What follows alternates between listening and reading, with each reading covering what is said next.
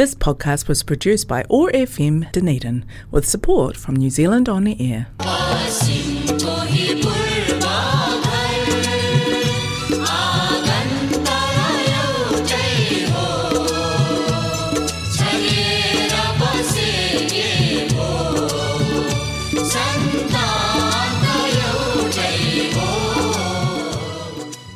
Now my haere mai. Namaste.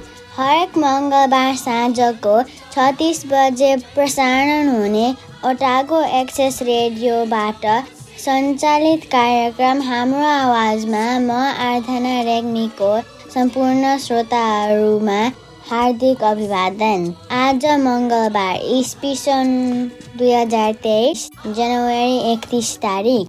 तदनुसार विक्रम सम्पत दुई हजार उनासी माघ सत्र गते डनिडेन नेपाली समाजको प्रस्तुति रहेको कार्यक्रम हाम्रो आवाजलाई प्रायोजन गरेको छ कनेक्टिङ कल्चर एथनिक कम्युनिटिजले कार्यक्रम हाम्रो आवाज ओटागो एक्सेस रेडियो एक सय पाँच थोप्लो चार मेगा हर्जमा हरेक मङ्गलबार न्युजिल्यान्डको समयअनुसार साँझ छत्तिस बजेदेखि सात बजेसम्म सुन्न सक्नुहुनेछ भने पोडकास्ट तथा आइट्युन्सबाट तपाईँले चाहेको बेलामा सुन्न सक्नुहुनेछ।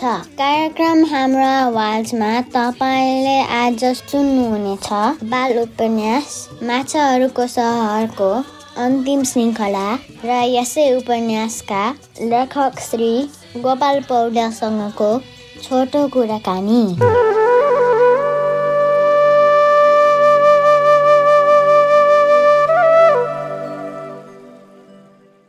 श्रोताहरू आज म उपन्यास माछाहरूको सहरको अन्तिम श्रृङ्खला लिएर उपस्थित भएकी छु र अब म वाचन गर्दैछु। पाठ छ।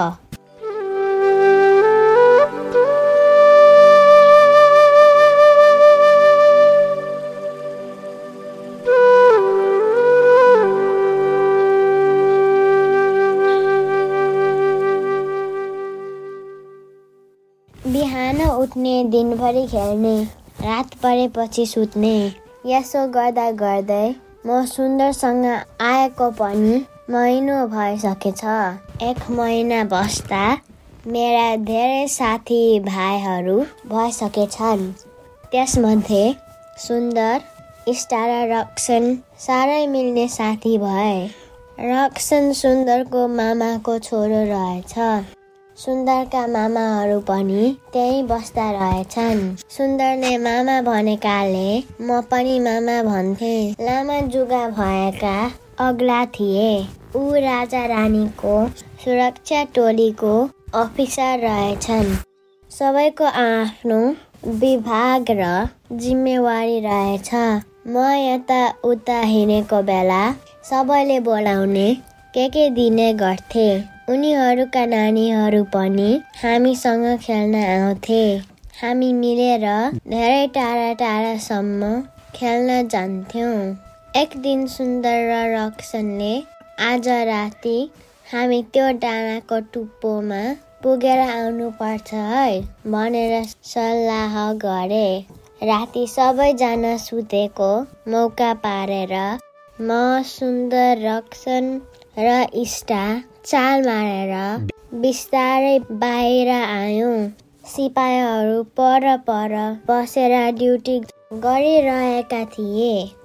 हामी उनीहरूको आँखा छल्दै छल्दै ठुला ठुला ढुङ्गाको छल लाग्दै पहाडको छेउमा पुग्यौँ। पहाड अग्लो भएकाले चढ्न त्यति सजिलो थिएन।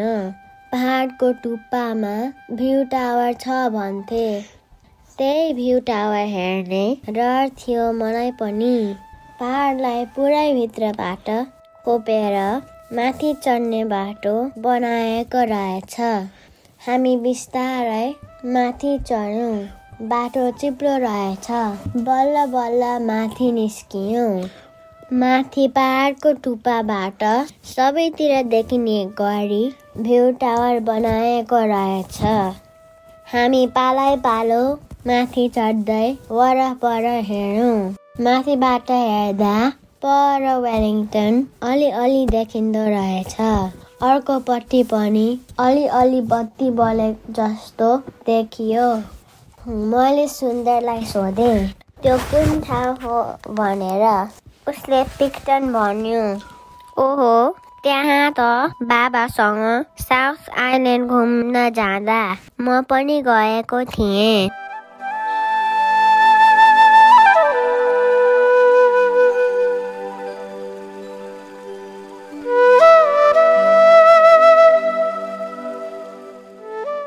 मलाई रमाइलो लाग्यो भ्यू टावरबाट पिक्टन हेर्न तर अँध्यारोमा खासै केही देखिएन। मात्र केही मधुरा बत्तीहरू।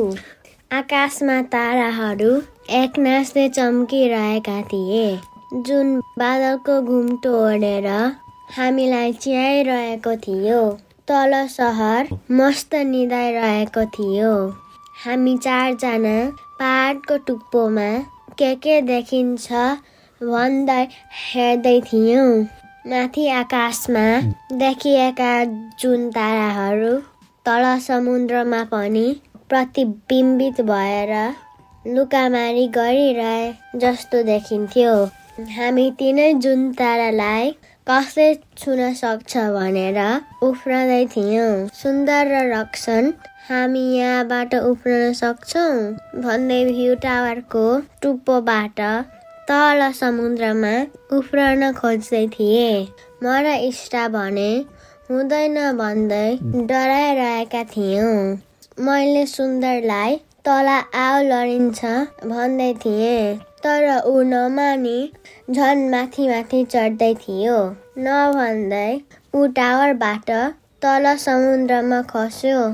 म र इष्टाले सुन्दर सुन्दर भन्दै चिच्याउँदै उसलाई बोलायौँ। उसलाई समुद्रको छालाले बगाउँदै लग्यो। हामी हतार हतार भ्यू टावरबाट तल समुद्रमा ओर्लियौँ।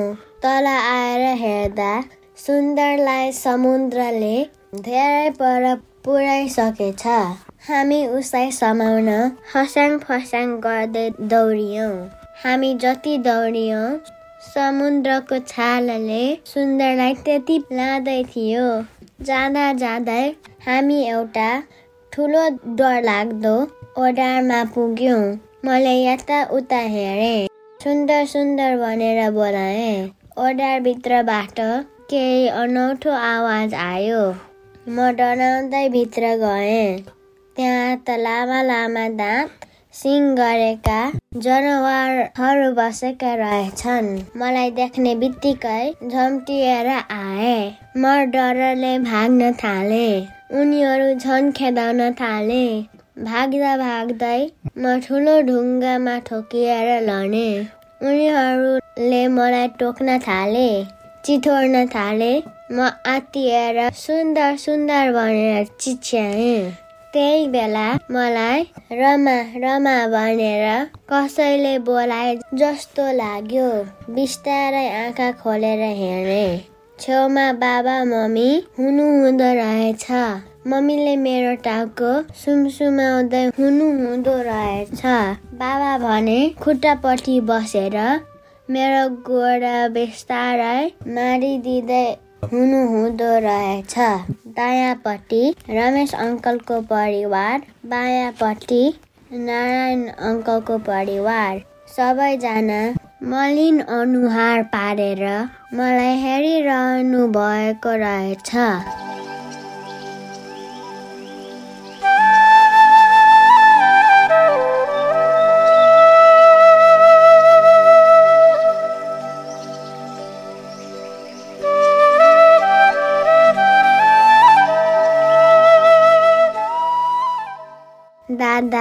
काजल प्रिया र प्रितम मेरो छेउमा बसेका रहेछन् वरिपरि आँखा घुमाएर हेरेँ अनि थाहा भयो म त टेन्टभित्र सुतिरहेछु। मैले अघि देखेको माछाहरूको सहरता सपना पो रहेछ। मम्मीले मलाई काखमा बोक्नुभयो छातीमा टाँस्नुभयो अनि उता फर्किएर आँसु पुस्नुभयो। फेरि मलाई बाबाले बोक्नुभयो माया गर्नुभयो। तिमीलाई के भयो? अघि सुन्दर सुन्दर भनेर कसलाई बोलाएको? भनेर सोध्नुभयो। मैले यता उता हेरेँ। केही बोल्न खोजे तर सकिन। हात खुट्टा कट दुखे जस्तो लाग्यो। टाउको उस्तै दुखेको। पानी पिउ पिउ जस्तो लाग्यो। एक प्रकारको छटपटी भयो। मेरो मनको कुरा मम्मीले बुझ्नु भएछ। मलाई मन तातो पानी दिनुभयो। ज्वरोको दबाई पनि दिनुभयो। केही समय मलाई आराम गर्न दिनुभयो। निकै बेर आराम गरेपछि मेरो दुखाइ धेरै कम भएछ। शरीर हल्का भए जस्तो भयो। यसो आँखा खोलेर हेरेको मम्मीको काखमा रहेछु। मम्मीले पारिलो घाममा लिएर बस्नु भएको रहेछ। न्यानो घामले होला। आँखा राम्ररी खुल्न मानेकै थिएन। आँखा बन्द गरेर मम्मी भनेर बोलाए। मम्मीले हजुर भन्दै मेरो गाला मसार्नु भयो मम्मीको आँखामा फेरि आँसु देखे। मम्मी किन रुनु भएको भनेर सोधे। किन पनि होइन भनेर मलाई छातीमा धेरै बेर टसाउनु भयो बाबाले मलाई गिलीमाम पकाएर ल्याइदिनु भयो मम्मीले बिस्तारै गिलीमाम खुवाइदिनु भयो दादा काजल प्रिया र प्रितम पनि मेरै छेउमा बसेर खाए। गिनीमाम खाइसकेपछि बाबाले मलाई बोक्नुभयो। बाबाले मेरो टाउको सुमसुमाउँदै भन्नुभयो तिमीले राति सपना देखेको थियो? मैले हो देखेको थिएँ भने। बाबाले फेरि के देखेको थियो भनेर सोध्नुभयो। सबै सपना सुनाइदिए। सबैजना छक्क परे। मैले सुन्दरलाई खोजेँ। उता भाँडाबाट बाहिर निस्केर छटपटाइरहेको रहेछ।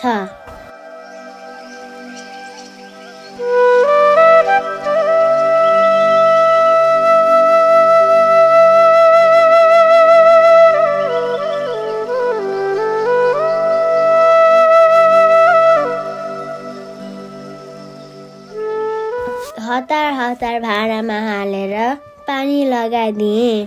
भाँडालाई मसँगै राखेँ। सुन्दरलाई सुमसुमाएँ। माया गरेँ खानेकुरा दिएँ। मैले सुन्दरलाई माया गरेको देखेर सबै छक्क परे। बाबा र अङ्कलहरू भएर ठुलो भाँडाका माछाहरू पनि हेर्नुभयो। एक दुईवटा माछाहरू मरिसकेका रहेछन्। अरू भाँडाभित्र खेलिरहेका थिए। कोही भोकले होला प्याक प्याक गर्दै थिए। कोही डरले कुनामा लुकिरहेका थिए। बाबाले उनीहरूलाई पनि खानेकुरा लगाइदिनु भयो सबैजना खुसी भएर खान थाले। सुन्दर पनि मसँग खुसी भएर खेल्न थाल्यो। दादा काजल प्रिया प्रितम पनि म र सुन्दरसँग खेल्न आए। पछि मलाई थाहा भयो म त बिरामी भएको तिन दिन भइसकेको रहेछ। काम ज्वरो आउने राति एक्लै बोल्ने सपनामा पनि खालि सुन्दरको कुरा गर्ने सबैजना मलाई केही हुन्छ कि भनेर साह्रै डराउनु भएको रहेछ। त्यही भएर होला मम्मीको आँखाभरि आँसु आएको। सबैजना भएर खाना बनाउनु भयो। हामी केटाकेटी भने सुन्दरसँग खेल्दै बस्यौँ। खाना खाइसकेपछि बाबाले भन्नुभयो अब हामी सुन्दरलाई पुर्याउन उसको सहर जान्छौँ। बाबाको कुरा सुनेर म खुसी भएँ।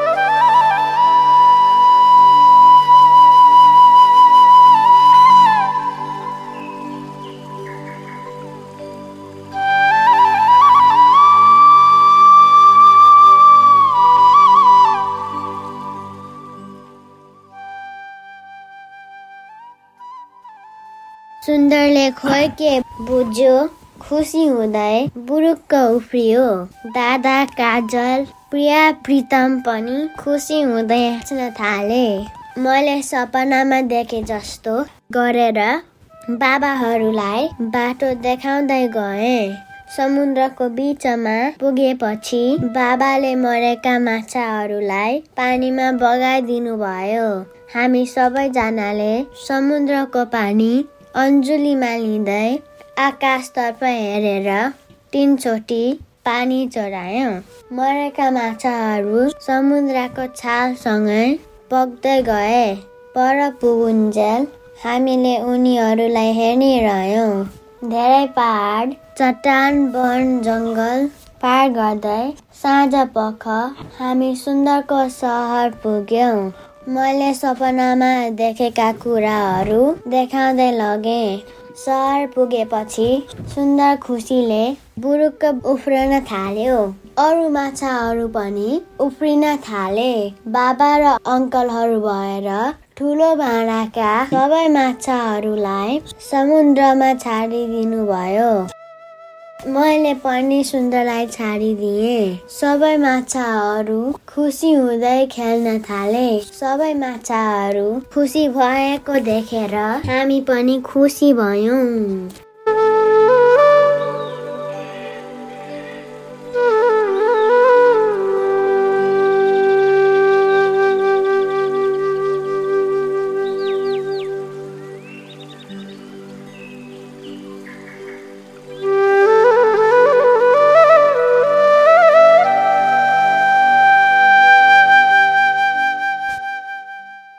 श्रोताहरू यहाँहरूले भर्खरै सुन्नुभयो गोपाल पौडेलले लेख्नु भएको बाल उपन्यास माछाहरूको सहरको छैटौँ पाठ र चौथो श्रृङ्खला।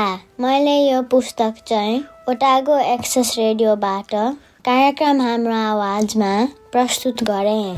प्रवासमा रहँदा हामी नेपाली भाषीहरूलाई नेपाली लेख्ने पढ्ने बोल्ने र सुन्ने त्यति सहजबाट बनाउन मिल्दैन। वातावरण छैन भनेर पर्खिरहने कुरा पनि भएन। आफूले सकेको कोसिस त गर्नुपर्छ र गर्दाखेरि हुने रहेछ। तर अभिभावकको साथ र सहयोग भएमा हामीले पनि सिक्न सक्ने रहेछौँ जस्तो लाग्यो। अलिअलि नेपाली लेख्न र पढ्न र सिक्ने प्रयास गर्छु। मलाई यो पुस्तकलाई वाचन गर्न ओटागो एक्सेस रेडियोमा कार्यक्रम हाम्रो आवाजका संयोजक तथा प्रस्तोता टिका कौशिकको हौसला साथ र सहयोगमा मैले माछाहरूको सहर नामक पुस्तक प्रस्तुत गर्न सकेँ। यो थियो मेरो अनुभव। मेरो एउटा अर्को पनि अनुभव छ। लेखकहरूसँग प्रत्यक्ष तथा छेउबाट भेटेको र कुराकानी गरेको। पहिलो लेखकसँगको भेट हामी अमेरिकाको भ्रमणमा रहेका बेला राम्रो नेपाली किताबका लेखक श्री कृष्ण रेग्मीसँग भएको थियो। त्यस पुस्तकका अर्का लेखक सञ्चमन राईसँग चाहिँ भेट भएन दोस्रो लेखकसँगको भेट चाहिँ न्युजिल्यान्डमै रहनुभएका श्री गोपाल पौड्यालसँगको। अब भने म प्रस्तुत गर्दैछु माछाहरूको सहरको पुस्तकका लेखकसँगको छोटो कुराकानी। कार्यक्रम हाम्रो आवाजमा यहाँलाई स्वागत छ। धन्यवाद। कार्यक्रम हाम्रो आवाज कतिको सुन्ने गर्नु भएको छ। समय मिलाएर बेलालाई सुन्ने गरेको छु। कार्यक्रम हाम्रो आवाजमा मैले जानी नजानी यहाँको बाल उपन्यास माछाहरूको सहर केही अङ्कहरूमा प्रस्तुत गरेँ आज अन्तिम अङ्क रहेको थियो। मैले लेखकसँग कुराकानी गरेको यो पहिलोचोटि हो। यो पुस्तक लेख्दाको अनुभव सुनाइदिनुहोस् न। कसरी यो पुस्तक लेख्ने सोच आयो? धेरै धेरै धन्यवाद छ आराधना। यो मिठो प्रश्नको लागि सुरुदेखि नै म तिमीले प्रस्तुत गर्दै गरेका प्रत्येक पाठहरूलाई सुनिरहेको छु र एउटा लेखक भएको नाताले आफूले लेखेको पुस्तक यसरी मजाले सानो नानीबाट पाठ गरिँदै गर्दा अथवा वाचन गरिराख्दाखेरि चाहिँ आफूलाई पनि एकदमै एउटा हौसला एउटा सम्मान गरेको महसुस पनि गर्दै गइरहेको थिएँ। र आज तिमीले प्रत्यक्ष मलाई भेटेर जुन प्रश्न गरिरहेको छौ अझै त्यसले मलाई थप प्रेरणा मिलिरहेको छ र यी प्रश्नहरूको उत्तर मैले आज प्रत्यक्ष दिन पाउँदै चाहिँ खुसी पनि छु। र तिमीले सोधेको प्रश्न अनुसार चाहिँ मैले पुस्तक कसरी लेख्ने सोच बनाएँ भने हामीले न्युजिल्यान्डमा चाहिँ नेपाली स्कुल स्थापना गरेको छौँ र त्यहाँको एउटा शिक्षक पनि हो म। मसिनो बालबच्चाहरूलाई पढाउने गर्छु र पढाउँदै जाँदाखेरि चाहिँ हामीले नेपालबाट ल्याएका पुस्तकहरू पढाउँदाखेरि हाम्रो बच्चाहरूले भोग्नु परेका समस्याहरू अथवा उनीहरूलाई लागेका कठिनाइहरू किनकि नेपालमा लेखिएका किताबहरू नेपालकै सन्दर्भमा लेखिएको हुँदाखेरि हाम्रो बच्चाहरूलाई बुझ्न र बुझाउन हामी शिक्षकलाई निकै चुनौती र गाह्रो भएको महसुस गरिरहेको थिएँ। र म आफै एउटा लेखक भएको कारणले पनि म एउटा किताब लेख्न सक्छु भने किन हाम्रो बालबच्चालाई यहीँको हावापानी यहीँको माटो यहीँको समुद्र यहीँका पहाडहरूलाई समेटेर एउटा सुन्दर पुस्तकहरू लेखौँ भन्ने मलाई एकदम त्यो कुराले चाहिँ घोचिरह्यो। अनि त्यो भएको हुँदाखेरि चाहिँ मैले कल्पना गर्दै गएँ सोच्दै गएँ कस्तो खालको पुस्तक लेख्दाखेरि चाहिँ हाम्रो बालबच्चाले त्यसलाई रुचाउँछन् अथवा उनीहरू पढ्न सजिलो हुन्छ र उनीहरूलाई बोरिङ पनि हुँदैन भन्ने कुरालाई मैले निकै लामो समयसम्म यसमा चाहिँ होमवर्क गरिरहेँ गृह कार्य गरिरहेँ आफैभित्र। र एक दिन चाहिँ मैले अचानक एउटा समुद्रमा रहेको न्युजिल्यान्ड हुँदाखेरि समुद्रमा बिचमा रहेको देश भएको हुँदाखेरि समुद्रसँगै जोडिएर लेख्नु पर्यो भनेर मैले एउटा माछाहरूको सहर नामक एउटा मेरो कथा त उपन्यास मेरो दिमागमा पैदा भयो। र मैले त्यही कुरालाई आधार बनाएर बिस्तारै बिस्तारै हाम्रो बालबच्चाहरूको मनोविज्ञानलाई ठ्याक्कै हाम्रो देश न्युजिल्यान्डसँग तुलना गर्दै उनीहरूलाई लेख्दै गएर चाहिँ अन्तिममा मैले पुस्तक सबैजना पाठकहरू नानीहरूको हातमा पिराउन सफल भएको हो है त। हजुरलाई यो पुस्तक लेख्न कति समय लागेको थियो? पुस्तक ठ्याक्कै यति समय लाएर लेखियो भन्ने कुरा भन्दा पनि के चाहिँ कुरा गर्न लाग्यो भने एउटा कुनै पनि पुस्तक लेख्दाखेरि चाहिँ एउटा लेखकलाई चाहिँ के के हुन्छ भने उसले त्यो बारेमा सोच्नु पर्यो त्यो विषयवस्तु भेट्नु पर्यो त्यो कुरा उसले उसको मस्तिष्कमा घुमाउनु पर्यो अनि यो कुरा लेख्दा ठिक हुन्छ या हुँदैन सबै कुरा गर्दै गर्दै गर्दै गर्दै गर। जब एउटा कथाले एउटा मस्तिष्कमा एउटा सेट बनाउँछ अनि त्यसलाई चाहिँ हामीले पेपरमा उतार्ने र त्यसबाट प्रेसमा पठाउने अनि प्रेसबाट सबै कुरा प्रुफ रिडिङ छएर हाम्रो पाठकसम्म ल्याउने कुराहरू रहन्छ। र सबै कुरा हेर्दै गर्दाखेरि म एउटा समाजको एउटा जिम्मेवारी मान्छे परिवार भएको मान्छे र आफ्नो एउटा काम पनि गर्ने मान्छे भएकोले गर्दाखेरि चाहिँ सबै कुराहरूलाई ब्यालेन्स गरेर लाँदा ओर्दा चाहिँ मलाई चाहिँ एक वर्षको समय लागेको थियो। मलाई पुस्तक पढ्दै जाँदा अचम्म लागेको चाहिँ विपनाको कहानीबाट सपनामा जान्छ अनि फेरि विपनामै आएर सकिन्छ। किन सपनालाई राख्नु भएको धन्यवाद छ आराधना साँच्चै नै तिमीले भने जस्तै यो पुस्तकको जुन उपन्यास जुन कथा चाहिँ विपनाबाट सुरु भएर त्यो सपनामा धेरै कथा सपनामा भएको छ र फेरि त्यसको अन्त्य चाहिँ विपनामै आएर टुङ्गिएको छ मैले चाहिँ यो पुस्तक लेख्दै जाँदाखेरि विपनाबाटै सुरु गरेर गइरहेको थिएँ गएर जाँदा जाँदा जाँदा जाँदा गर्दा जब समुद्रको गहिरीमा पुग्यो हामी जब समुद्रको सेनाहरूसँग भेट भयो समुद्रको भित्रको जुन सहरहरूको कुरा भयो त्यहाँभित्र राजा रानीको चाहिँ दरबारहरूको कुरा हुँदै गयो र विशेष गरेर सबै पानी मुनिको कुराहरू बढी भएको हुँदाखेरि चाहिँ मैले यो चिज चाहिँ विपनामा गर्न नसकिने भएको हुँदाखेरि चाहिँ त्यसलाई मैले सपनामा परिणत गरेर सपनालाई प्रयोग गरेर चाहिँ मैले त्यो जुन समुद्रभित्रको सबै गरिएका क्रियाकलापहरू र देखिएका जति पनि चिजहरू छन् होइन ती चिजहरूलाई चाहिँ मैले सपनाको माध्यमबाट चाहिँ झल्काएर फेरि अन्तिममा आएर चाहिँ विपनामा चाहिँ उसले त्यो सपनाका कुराहरू भनेको भनेर चाहिँ अन्त्य गरेको छु। त्यसो गर्दाखेरि कथाहरूको सबै कुराहरू मिल्ने भएको हुँदाखेरि नै मैले विपनाबाट सुरु गरेर सपना हुँदै फेरि गएर विपनामै कथालाई चाहिँ विश्राम गर्नुपर्ने अवस्था आएको हो। हामी कार्यक्रमको अन्ततिर आइसकेका छौँ। जाँदा जाँदै हाम्रो आवाजका श्रोताहरूलाई के भन्न चाहनुहुन्छ? सर्वप्रथम यति सानो उमेरमा यति मिठो स्वरमा हाम्रो आवाज रेडियो कार्यक्रममा एउटा प्रस्तुतको रूपमा उभिएर कार्यक्रम सञ्चालन गरिराख्नु भएकोमा आराधना रेगिमज्यूलाई धेरै धेरै धन्यवाद छ र यो निरन्तर होस् भन्ने शुभकामना पनि र दोस्रो चाहिँ हाम्रो आम श्रोताहरू जसले चाहिँ हाम्रो आवाज रेडियो कार्यक्रम सुनेर बसिराख्नु भएको छ माया गरिराख्नु भएको छ यो निरन्तर रहोस् र यहाँले हाम्रो आराधनाद्वारा प्रस्तुत गरिएको मेरो पुस्तक माछाहरूको सहर पक्कै पनि सुन्नुभयो होला। सुनेर लेखकलाई केही प्रतिक्रिया दिनु छ भने कृपया कन्जुसै नगरिदिनु होला किनकि त्यो सकारात्मक पनि हुनसक्छ नकारात्मक पनि हुनसक्छ त्यो दुवै कुरा चाहिँ एउटा लेखकलाई स्वीकार्य हुनेछ र त्यो कुराले चाहिँ लेखकलाई अझै अरू पुस्तक लेख्न पनि थप मद्दत र प्रेरणा मिल्ने भएको हुँदा यहाँहरूले पक्कै पनि लेखकलाई त्यति गुण लगाइदिन चाहिँ कन्जुसै गरिदिनु नभन्ने आशा राखेको छु र अन्तमा यो कार्यक्रमलाई निरन्तर रहोस्। सबैजनाले माया गरौँ भन्ने कुरा यहाँ राख्दै सबैजनालाई शुभरात्रि धन्यवाद। जाँदा जाँदै हाम्रो आवाजका प्रायोजक कनेक्टिङ कल्चर र यो आवाज तरङ्गित गराउने ओटागो एक्सेस रेडियोलाई धन्यवाद। त्यस्तै गरी आजका मेरा अतिथि श्री गोपाल पौडेललाई धन्यवाद भन्दै आउँदो मङ्गलबार साँझ छत्तिस बजे फेरि भेट्ने वाचकका साथ प्राविधिक मित्र जेफ र म आराधना ओजल हुन चाहन्छु। नमस्ते शुभरात्रि। क्यापाई तेपो काकिते आनोक्वे This podcast was produced by ORFM Dunedin with support from New Zealand On the Air.